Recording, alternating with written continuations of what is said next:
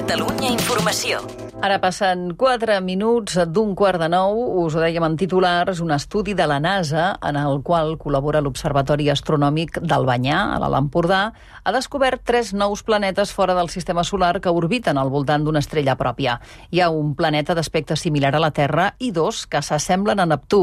Girona, Fèlix Martín. Una de les moltes missions de la NASA és analitzar el mig milió de les estrelles més brillants i properes a la Terra per determinar si alguna pot ser un exoplaneta o sigui un planeta que no orbita al voltant del Sol, sinó al voltant d'altres estrelles.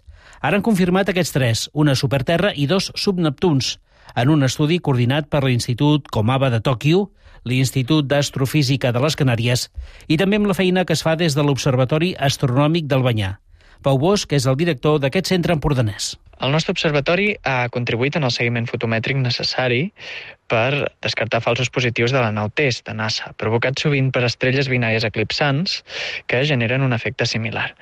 Finalment, ha contribuït a la detecció directa del planeta TOI 1749d, que és el més extern dels descoberts fins ara en aquest sistema. També en declaracions a Catalunya Informació, Bosch destaca la importància de la troballa d'aquest nou sistema planetari, sobretot per les seves característiques orbitals. És un descobriment important no tant pel nombre de planetes descoberts, sinó per la seva disposició, tenint en compte que és un sistema multiplanetari amb planetes que tenen característiques diferents als planetes del nostre sistema solar.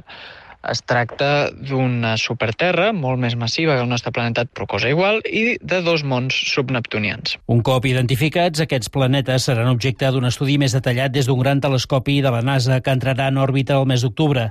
L'Observatori Astronòmic del Banyà ja va participar l'estiu passat en la descoberta de cinc sistemes planetaris més, validant i interpretant les dades captades a l'espai per l'Agència Aeroespacial Nord-Americana. Catalunya Ràdio, Catalunya Informació. Serveis informatius. Girona.